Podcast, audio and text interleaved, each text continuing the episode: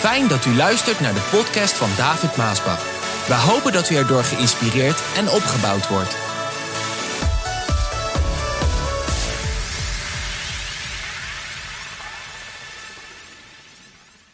De hongersnood van Egypte met Jozef, zijn broers, Jacob, dat was al twee jaar gaande. En het zou nog vijf jaar duren, want totaal zou het zeven jaar zijn. Dat had God door Farao laten zien in een droom en Jozef had het uitgelegd. Eerst zeven vette jaren en is al het graan verzameld en toen zeven magere jaren. Dat waren de zeven hongersnoodjaren waarvan er nu twee voorbij zijn. En die hongersnood die raakte de hele wereld, niet alleen Egypte maar de hele wereld. Trouwens, het doet mij ook denken aan de grote geestelijke hongersnood die vandaag ook heerst. Niet alleen in Nederland, maar heel Europa en eigenlijk in de hele wereld. En het raakte ook Canaan, daar waar Jacob woonde met zijn zonen. En op een gegeven moment was het zo erg dat Jacob zegt dan tegen zijn zonen om naar Egypte te gaan. En dat lezen we in Genesis 42. Ik heb gehoord, zegt Jacob, dat er in Egypte graan te krijgen is. Je moet maar honger lijden en er is weinig. En dan hoor je dat ergens een bakker is waar die hele bakkerij vol met brood is waar je brood kan kopen. Zo was het ook toen. Egypte was een bakkerij waar graan was in overvloed. En Jacob zegt, ja, dat heb ik gehoord. Jullie moeten daar voedsel gaan kopen, voordat we allemaal verhongeren.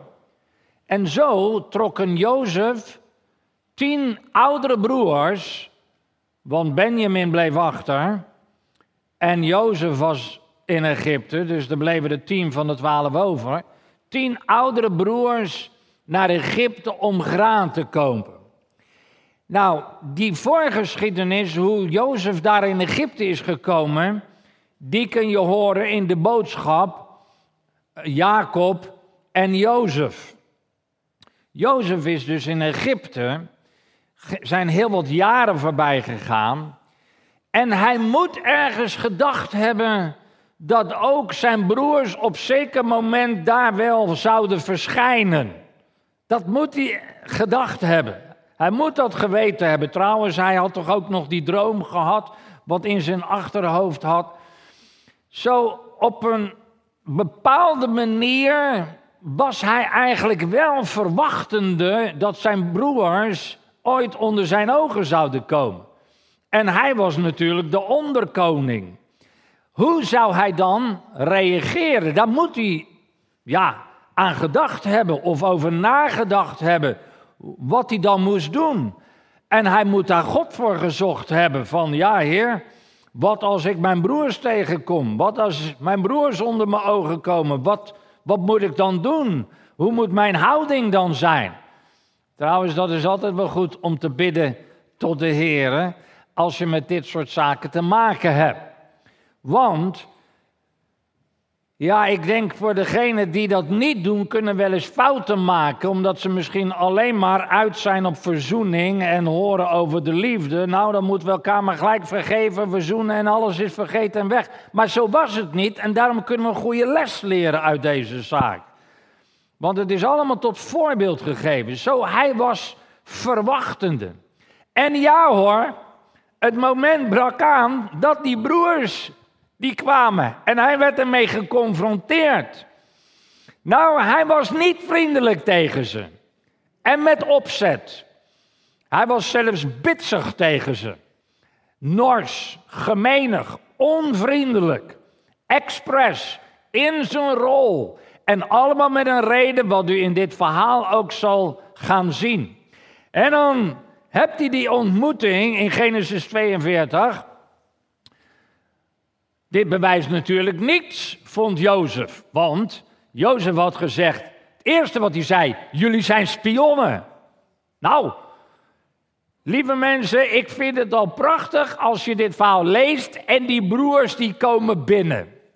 Als ze binnenkomen daar, Dan zien ze Jozef. Het is natuurlijk heel spannend. Hè? Ze komen bij het hoogste en uh, boe, komen ze binnen met z'n tienen. En dan staat Jozef daar.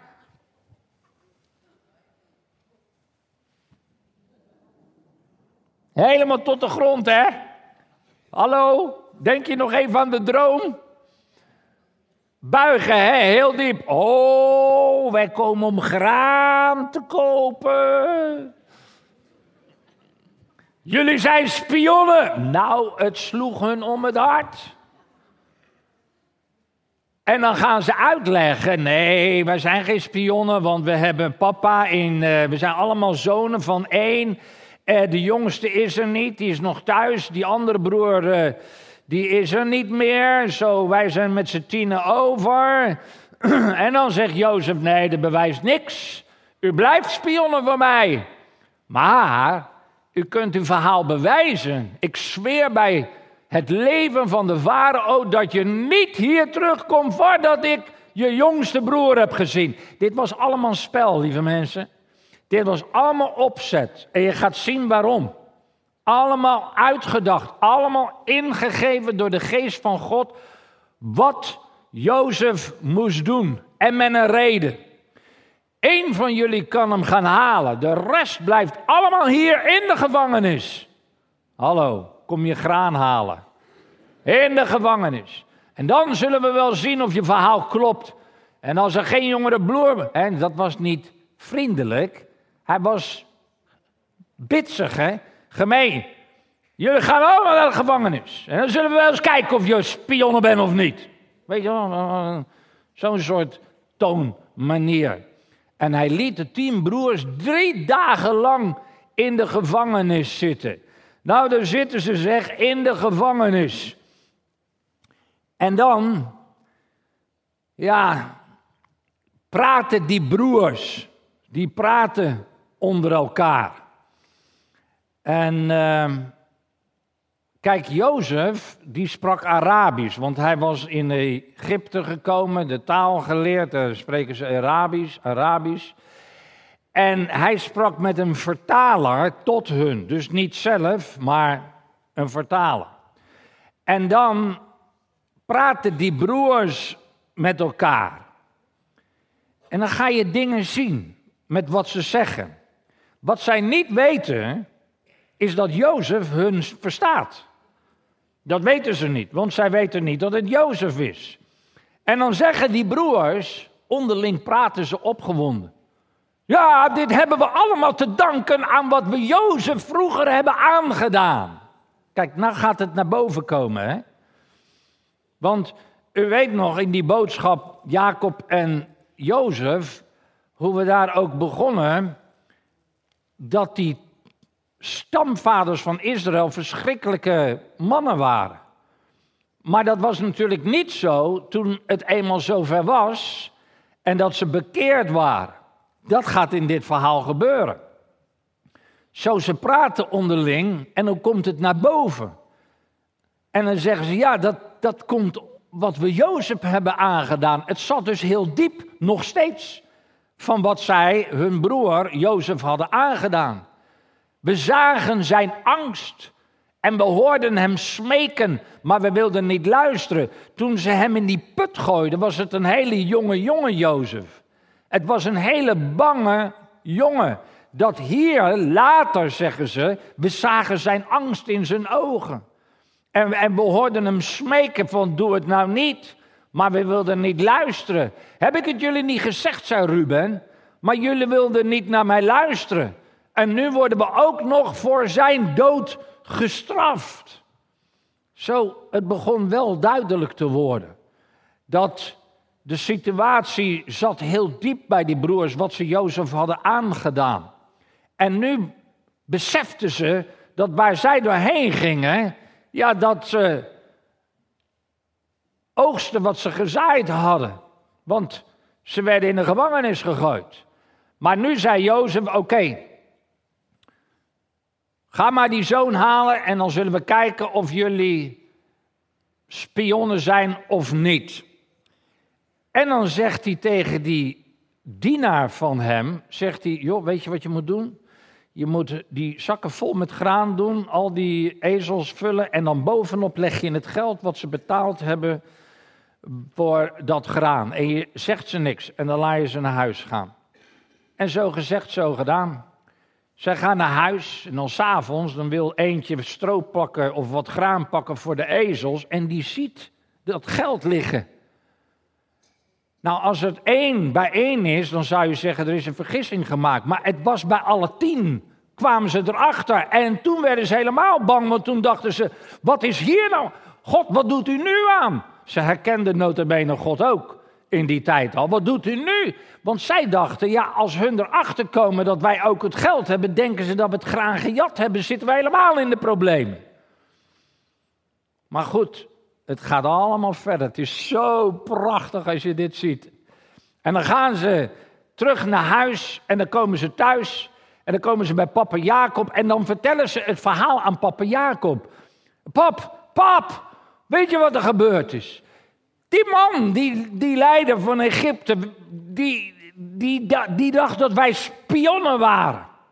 Maar wij hebben uitgelegd dat, uh, dat dat niet zo is natuurlijk. Dat, dat we gekomen zijn om graan te kopen. Want de, ja, de hele toestand, papa. En, en nou is het zo dat hij wil Benjamin zien. Benjamin zien. Waarom heb je gezegd dat je nog een zoon hebt thuis? Benjamin had niks gezegd, man. Nee, nou, hij, hij, hij vroeg er speciaal naar. Hij vroeg hoe is met je vader, hoe is met, dan met die zoon. En nou wilde die zoon, zo, we konden niet liegen. We moesten gewoon zeggen eh, dat we nog een, een broer hadden. Zo nou wil die Benjamin zien. En Simeon moest daar blijven. En die is daar nu, totdat we weer teruggaan met Benjamin. Er komt niks van in, zegt papa. Niks. Komt niks van in. En dan huilt Jacob, wordt hij heel erg verdrietig en dan zegt hij, hij zegt, toen riep Jacob uit, jullie hebben mij van mijn kinderen beroofd. Jozef kwam nooit terug, want daar hadden ze dat hele verhaal van gemaakt, dat hij om was gekomen. En ze hadden zijn jas laten zien met bloed. Hadden ze van een, uh, een geit of een bokje hadden ze gesmeerd en gezegd, ja, uh, wilde dieren hebben hem verscheurd. Als Jacob die dag nog steeds, hij is, hij is er niet meer. Dus je, Jozef kwam nooit meer terug. Simeon zit nu in de gevangenis daar, die is hier niet. En dan wil je ook nog Benjamin, die ik straks niet meer zie. Ik hou niks over. Maar dit is eigenlijk toch wel frappant, hè? Dacht ik aan. Want toen zat ik te denken.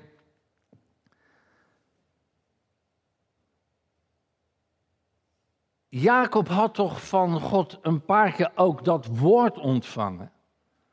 De belofte van Jacob, ik ga je tot een groot volk maken. Ik ben met je.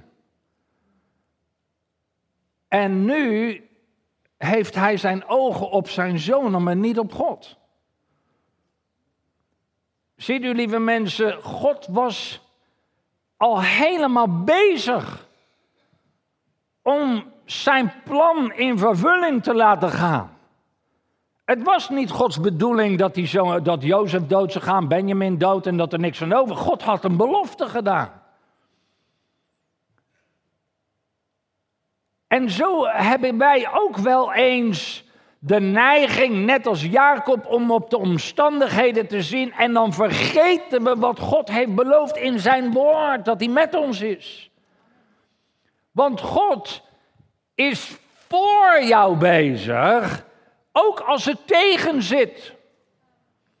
Ook als alles anders gaat zoals je graag zou willen of gedroomd hebt. God is voor jou. En hij zal zijn plan in vervulling laten gaan. Lieve mensen, dit zijn zulke belangrijke verhalen die mij zoveel licht hebben gegeven. Hoe ik God moet vertrouwen op zijn woord. En dat alles medewerkt ten goede. Hoe het ook, hoe het ook eruit ziet. Hoe het ook tegen zit. Hoe het ook kan verkeren. Hoe het ook moeilijk is. In ziekte, in verdriet, in verlies. Noem maar op. God is voor mij. En God was voor Jacob. En hij had belofte gedaan. Maar goed, hij zag dat natuurlijk helemaal niet zitten en hij verweerde zich daartegen. En hij dacht, nee, dat gaat niet gebeuren. Maar ja, de hongersnood, die zou nog een tijd duren. En het graan raakte op wat ze hadden meegekregen uit Egypte. Dus Jacob kon niet anders. En zei dan tegen zijn zonen: Luister eens, ik wil weer dat je naar Egypte gaat. En dan zegt Jacob tegen zijn zonen: Je moet gaan. Maar Juda zei tegen hem: Papa, de leider van Egypte meende het toen hij zei: U kunt hier beter niet terugkomen als u die jongste broer niet meeneemt. Juda herinnert Jacob eraan: Dit kan, ik kunnen, we kunnen niet terug zonder Benjamin. We kunnen geen voedsel halen tenzij Benjamin met ons meegaat. Daar, je begrijpt toch wel waarom, want Benjamin was die enige naast Jozef die hij al kwijt was, van Rachel, waar hij zoveel van hield. En hij hield veel van Jozef, maar hij hield natuurlijk ook veel van die kleinste, de jongste, kleine Benjamin, ook van Rachel, de broer van Jozef, van diezelfde moeder. Zo, hij wilde het niet laten gaan, maar toch zei hij: Nee, ik wil, jullie moeten nu gaan. En dus ging hij overstag. En dan zegt hij, vers 14, hij zegt: Mogen God de Almachtige jullie genadig zijn als jullie bij die man komen. Zodat, bij, zodat hij Simeon vrijlaat en Benjamin laat terugkomen. Als ik mijn kinderen moet kwijtraken, dan moet het maar. Nu kom ik terug op die gedachte van net. Jacob dacht dus echt, als ik mijn kinderen moet kwijtraken, dan moet het maar. En vergeet daarbij de belofte die God hem had gegeven. Want God had beloofd, ik ga je tot een groot volk maken, ik ga je zegenen, ik ben met je. En dan zie je eigenlijk het dieptepunt van verdriet in het leven van deze man. En dan gaat hij overstag, want hij kan niet anders.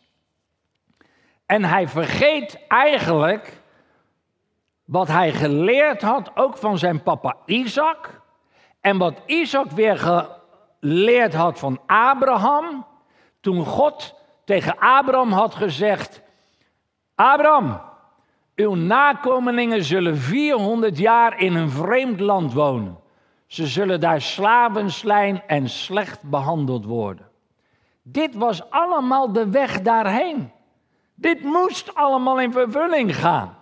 En zo zijn er dingen in je leven wat je misschien vandaag niet begrijpt, maar niets gebeurt zonder de toelating van God. Niets, alles gebeurt met de toelating van God. En dan moet je daar doorheen. En uiteindelijk gaat het plan van God in vervulling. Nou ja, dan ontmoet Jozef zijn broers weer. Want daar komen ze weer, hè. Ja, dan moet ik weer helemaal op mijn knieën gaan. Want er werd heel wat gebogen hoor door die broers. Dat lag er dik bovenop dat die dromen, die zijn echt in vervulling gegaan. Dat ze allemaal bogen tot op de grond toe, heel diep. Want dat gebeurt, gebeurde zo en er gebeurt steeds nog in dat soort landen heel diep. Kennen wij allemaal niet in Nederland, maar in die landen gebeurt het nog wel. Nou ja, je kan wel een beetje buigen hier uit respect. Maar ze bogen heel diep. En dan ziet Jozef dat Benjamin is erbij. Mooi is dat, hè? Ze komen weer, ze komen dus weer terug in zijn huis. Want toen Jozef zag dat Benjamin, hij hoorde dat dat Benjamin in hun midden was, toen zei hij tegen zijn dienaar: Ik wil dat je ze naar mijn huis uitnodigt. Mijn eigen huis. Dus hun begrepen er niks van, want dat snap je toch wel. Hun begrepen er niks van dat ze werden geleid naar het paleis, terwijl de laatste keer toen ze weg werden gezonden, waren ze nog spionnen. Dus je moet even in dat denken komen van die mannen, die snapten er niks van. Dus die gingen, die kregen al angst in hun hart. Misschien deden ze het nog in hun broek ook, dat weet ik niet hoe erg het was. Ja, want het was heel erg. Want hun dachten natuurlijk. Ja, dat, dat ging ook zo in dat gepraat natuurlijk. Ja, weet, weet je, We gaan naar het paleis toe. Ik denk dat we daarheen moeten gaan, omdat hun denken dat wij dat graan hebben gestolen. Dat, ging allemaal, dat kwam allemaal. Dus, dus, hun dachten nou, voordat we bij het paleis zijn bij, bij Jozef, zeggen we het tegen zijn dienaar, eh, eh, meneer de dienaar eh, van Jozef. De laatste keer, toen hadden we echt al het graan betaald. Dat, dat weet u, hè? we hebben het Maar toen wij teruggingen, toen hadden we al dat graan. Maar bovenop lag het geld wat we hadden betaald. Zo hier hebben we het geld toch weer terug en willen we het graag geven. En we hebben nog extra geld om nu weer nieuw graan. Ze dachten, hé, hey, dan dekken we ons alvast in. Want hun begrepen niet waarom ze naar dat paleis. Die dachten, eh, eh, want in hun hoofd waren ze nog spionnen natuurlijk. Nee, maak je maar geen zorgen erover. Nou, dat was al een beetje een geruststelling. Dat dat het in ieder geval niet kon zijn. Maar wat kon het dan wel zijn natuurlijk? Komen ze in dat paleis, dan komen ze bij Jozef. En dan ziet Jozef Benjamin.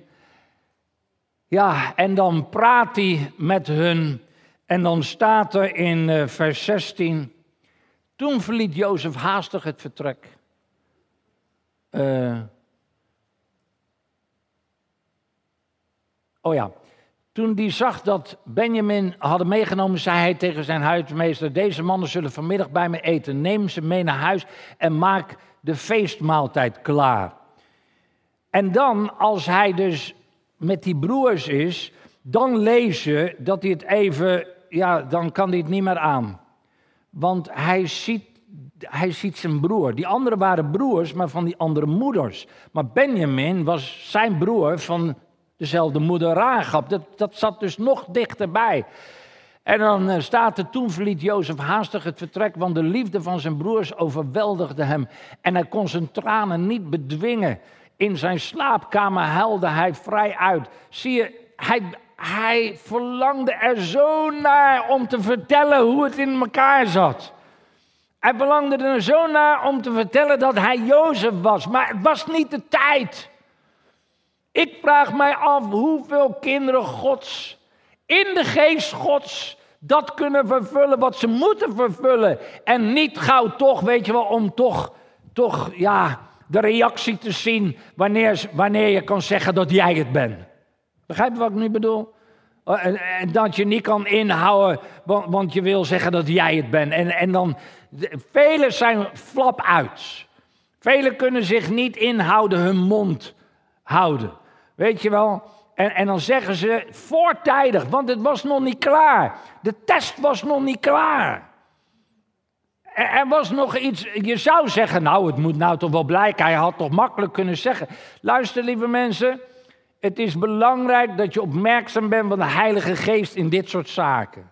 Dit is ook de reden dat ik zomaar niet mensen die weg zijn gegaan zomaar terugneem. Ja, maar David, je moet toch verzoenen, man. Alles is liefde, God vergeeft. Maar zo werkt het niet.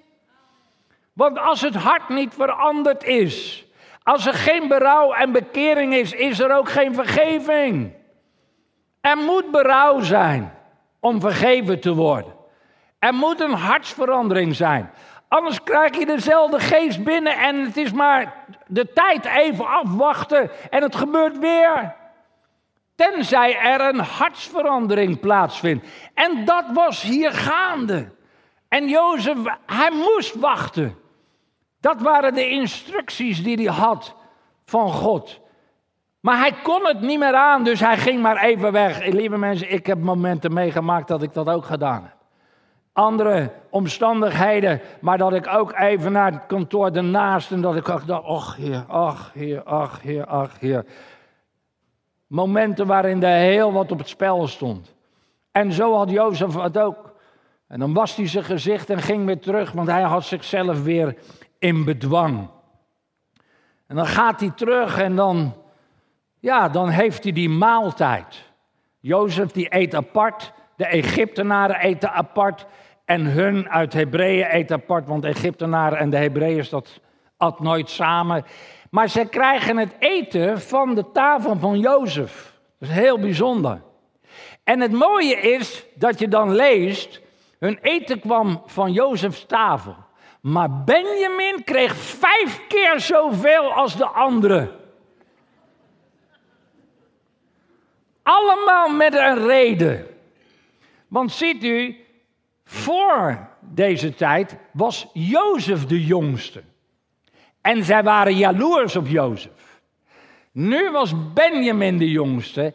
En Jozef wilde kijken of zij nog steeds dat zo'n jaloerse geest hadden, zoals ze vroeger hadden. En hij deed deze dingen daarom. Niet alleen omdat hij meer van Benjamin hield, hij deed het met een opzet. Om te kijken en uit te lokken, om, zodat ze zouden reageren, om te laten zien wat in hun hart is.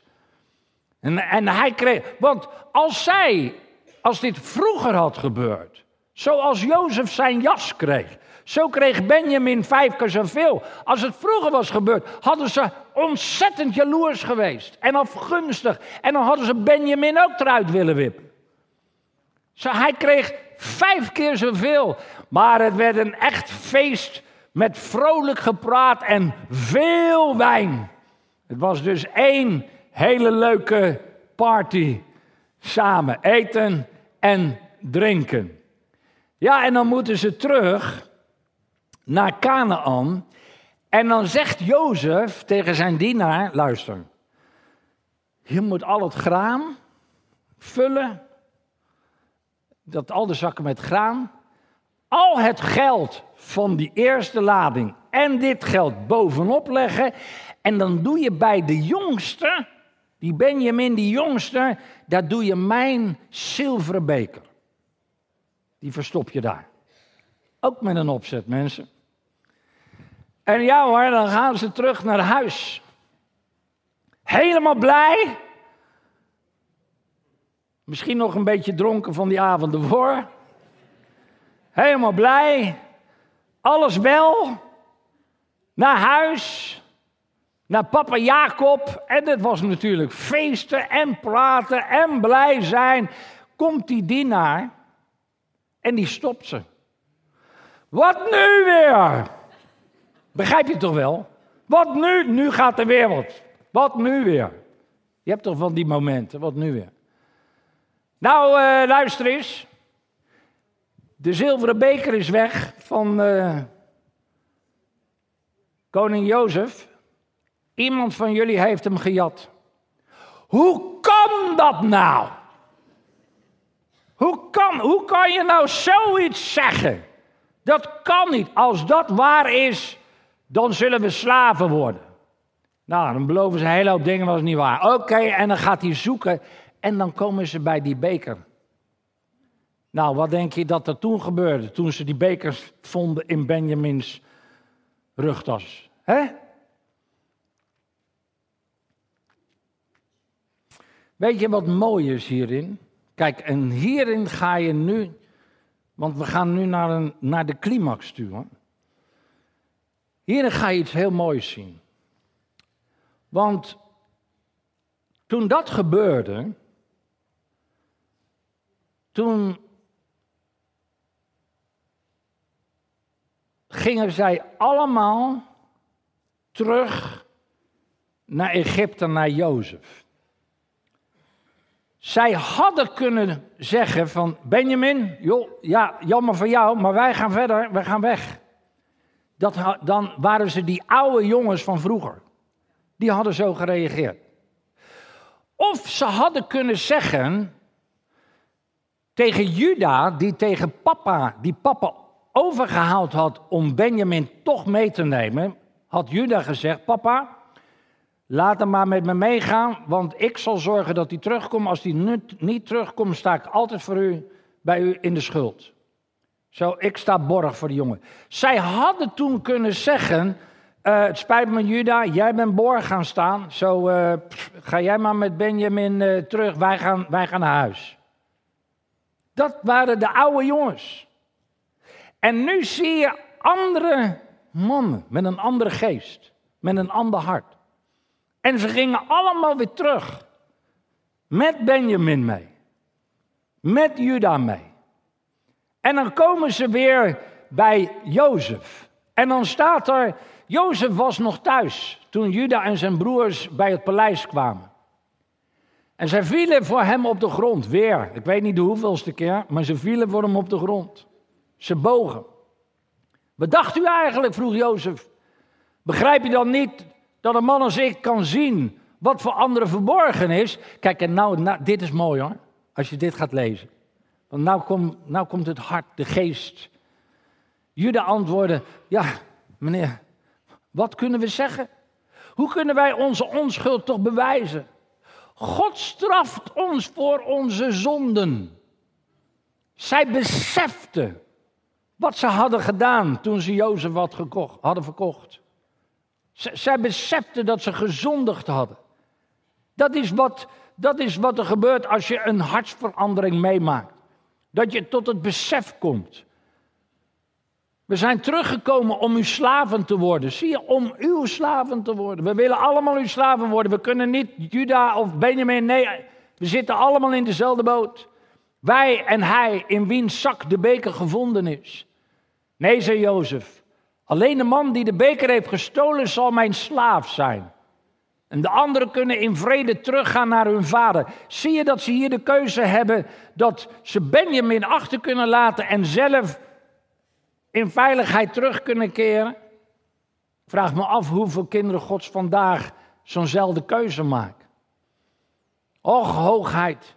Laat mij dit zeggen. Juda die stapt naar voren. Hè? Juda, ook wel mooi hoor. Juda, de prins eigenlijk van de broers, hè, waar later David en Jezus uit voort is gekomen. Die stapt naar voren en dan zie je wie Juda was. Och, hoogheid. Laat me dit zeggen. Luistert u even naar mij. Want ik weet dat u mij kunt vernietigen. Alsof u de farao zelf was. Heb alstublieft even geduld. Luister naar mij. U vroeg ons naar onze vader.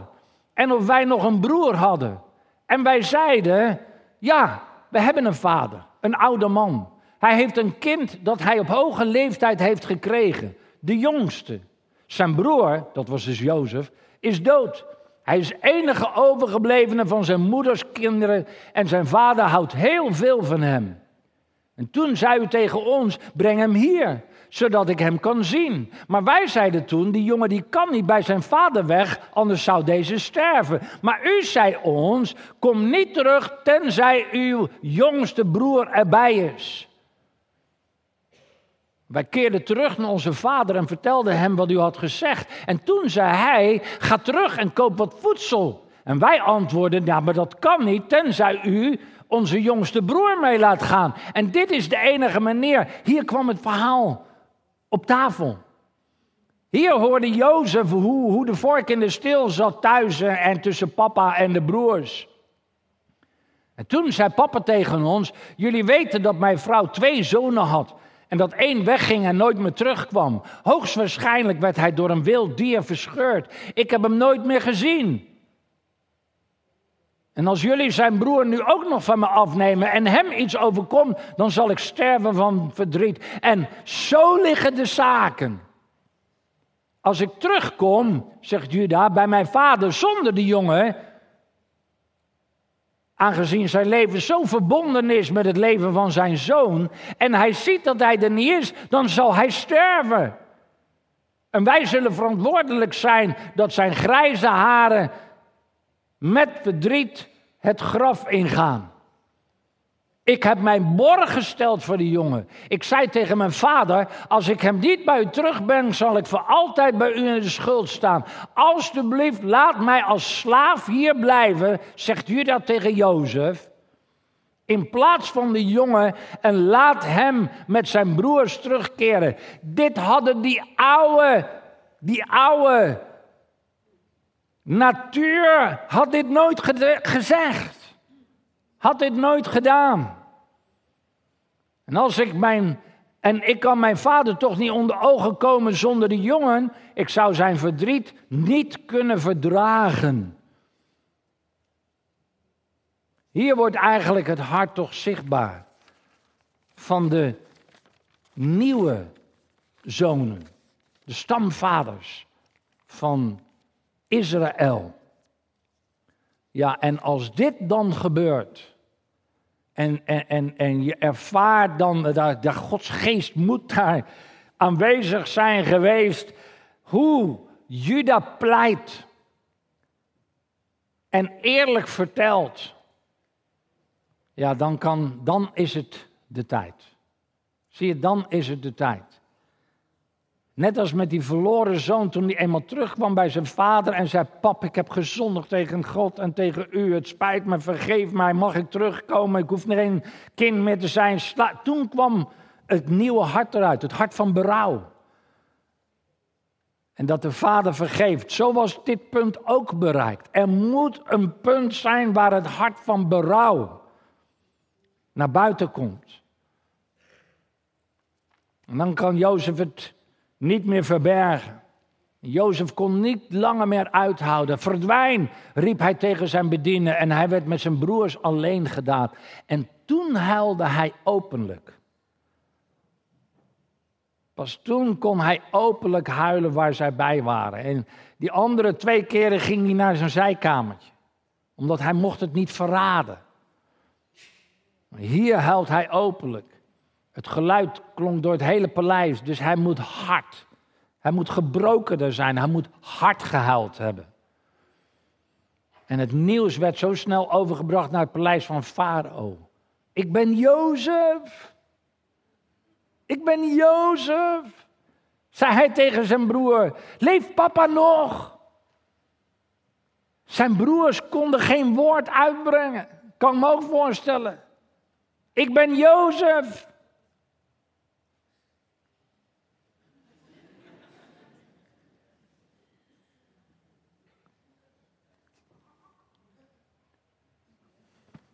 Konden niks uitbrengen. Wat moesten ze zeggen? Zij staarden hem alleen maar stom verbaasd aan. Kom eens hier, zei hij. En ze kwamen dichterbij. En hij herhaalde het. Ik ben Jozef. Jullie broer die jullie verkocht hebben. Naar Egypte. Oh, verwijt het jezelf niet, want God had er een bedoeling mee. Kijk, toen, toen pas kon hij op tafel leggen. Wat Gods geest in hem had gedaan. En waar het allemaal om gebeurd is. Met die oude jongens kan je dat niet doen. Dat is paarlen voor de zwijnen werpen. Dat vertrappen ze. Ze begrijpen het niet, oude hart. Maar nu dat verbroken hart, verslagen van geest, daar stonden gebroken mannen. Die stonden te pleiten voor hun vader en hun broertje Benjamin. Overtuigd van de zonde die ze gedaan hadden om hun broer te verkopen, die zo onschuldig was. En Jozef kon zich uiten. Verwijt het jezelf niet, want God had er een bedoeling mee. Hij stuurde mij vooruit, zodat ik jullie levens kon redden. Deze twee jaren van hongersnood zullen er zeven worden en er zal nog nog geploegd en nog geoogst worden. God heeft mij hierheen gestuurd om jullie en jullie gezinnen in leven te houden. Zodat jullie kunnen uitgroeien tot een groot volk. Dat was het plan van God. Dit moest er tussendoor gebeuren terwijl God met een groot plan bezig was. God stuurde mij heen, mij hierheen. Jullie niet. Hallo, die vind ik ook zo mooi. God stuurde mij hierheen. Jullie niet. Hij heeft mij adviseur van Farao en heerser over diens hele rijk gemaakt. Ik bestuur het hele land Egypte. Nou ja, dan wordt iedereen blij. Iedereen wordt blij. Toen omarmde hij huilend van vreugde Benjamin. En die huilde weer met hem mee. Het was één huilboel daar. Ik weet niet of je wel eens uh, zo'n programma op tv hebt gezien, wanneer ze elkaar weer zien na zoveel jaren en allemaal maar huilen en die camera er mooi omheen draaien natuurlijk. Nou, dit had je mogen filmen, dan had je ook zoiets gehad. En daarna sloot hij al zijn broers, die inmiddels hun spraak weer hadden teruggevonden, in zijn armen. Hij had nieuwe broers. Broers met een nieuw hart. Waar God Israël vanuit kon bouwen. Zo was het één blijdschap en vreugde. Nou, dan, gaat, uh, dan worden ze naar huis gestuurd. En dan gaan ze met z'n allen naar huis om papa en de hele, al hun kinderen en, en de kleinkinderen van Jacob, om de hele mikmak naar Egypte te halen. Dus dan komen ze thuis bij papa Jacob. En dan lees je, ze stuur, zo stuurde hij zijn broers terug naar huis. Hij deed hun eigen uitgeleide en waarschuwde hun nog, nog een keer. Hé, hey, geen ruzie maken onderweg, hè? Ja, dat moet je soms ook blijven doen, al heb je een nieuw hart. Dat moet ik ook wel eens in de gemeente blijven zeggen. Geen ruzie maken hoor. Zo kwamen de broers met de geschenken en het goede nieuws bij hun vader Jacob in Canaan terug. Jozef leeft nog, riepen ze hem toe. Hij is de heerser over het hele land Egypte. Zal wel. Jacobs hart bleef zo koud als een steen. Hij kon het niet geloven. Nee, ik kan me voorstellen, al die jaren had hij gedacht dat Jozef dood was. En toen ze hem echter de boodschap van Jozef overbrachten en hij de rijtuigen met voedsel zag, leefde hij op. Hij riep, wel het moet wel zo zijn. Mijn zoon Jozef leeft, ik ga met jullie mee en zal hem nog een keer zien voordat ik sterf. Dit was 22 jaar later. Weet je wat ik ook aan dacht? Ik denk niet dat dit het enige is wat zij zeiden. Want toen zij zeiden, Jozef leeft nog, toen moet papa gezegd hebben, maar jullie hebben mij toch altijd gezegd dat hij was vermoord. Dus ik denk dat het verhaal is dan langer, dat hun toen met alles naar buiten kwamen. Want dat was de situatie, dat was de sfeer, dat was hun hart. Papa, papa, papa, we hebben zo gezondigd, we zijn zo fout geweest. We hebben gezegd dat hij vermoord was, maar we hebben hem verkocht naar Egypte. En dan krijg je het hele verhaal, hè. En dan pas begrijp ik dat Jacob begon te geloven van ja, hij moet, hij moet, nog, hij moet nog leven. Ja, en dan krijg je dat Jacob met het hele hebben en houden inmiddels uitgegroeid tot 70 mensen. Hè? Het volk van Israël, wat later in Egypte wel 2 miljoen mensen werd, was nu 70, was een volkje van 70 mensen. En dan gaat Jacob terug en dan op de terugweg hebt hij een ontmoeting met God. En dan zegt God, ik ben God, de God van uw vader, hè, Isaac, Abraham.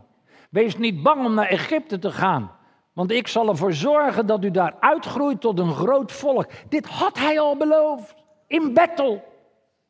Dat kun je in de andere boodschap horen met Jacob en Esau, in Bethel. Had God dit al gezegd? Hier herinnert hij Jacob eraan. Jacob, ik zal ervoor zorgen dat je daar zal uitgroeien tot een groot volk. Ik zal met je meegaan naar Egypte. Jezus heeft ook toch ons beloofd, ik zal met je zijn al de dagen van je leven tot de volleinding van de wereld. Ik zal meegaan en uw nakomelingen terugbrengen. Maar u zult in Egypte met uw zoon Jozef naast u sterven. Dus uiteindelijk stond dat ook al vast. Jacob zou daar sterven. En Jozef uiteindelijk ook. En dan staat er in hoofdstuk 47, staat er, zo woonde Israël in het land Gozen. Gozen was het land wat zij van Farao kregen. Een van de rijkste gebieden in Israël. Er werd helemaal voor hun gezorgd, voor de hele hebben en houden. En raakte daar ingeburgerd. De familie was vruchtbaar en groeide snel. En Jacob leefde nog 17 jaar na zijn aankomst in Egypte. En hij was 147 jaar oud toen hij stierf.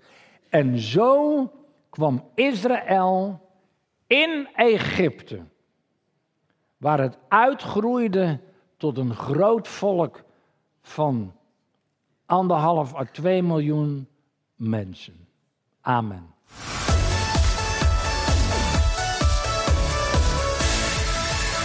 Bedankt voor het luisteren naar deze podcast.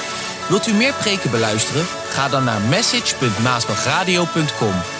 Bezoek ook eens onze website www.maasbach.nl.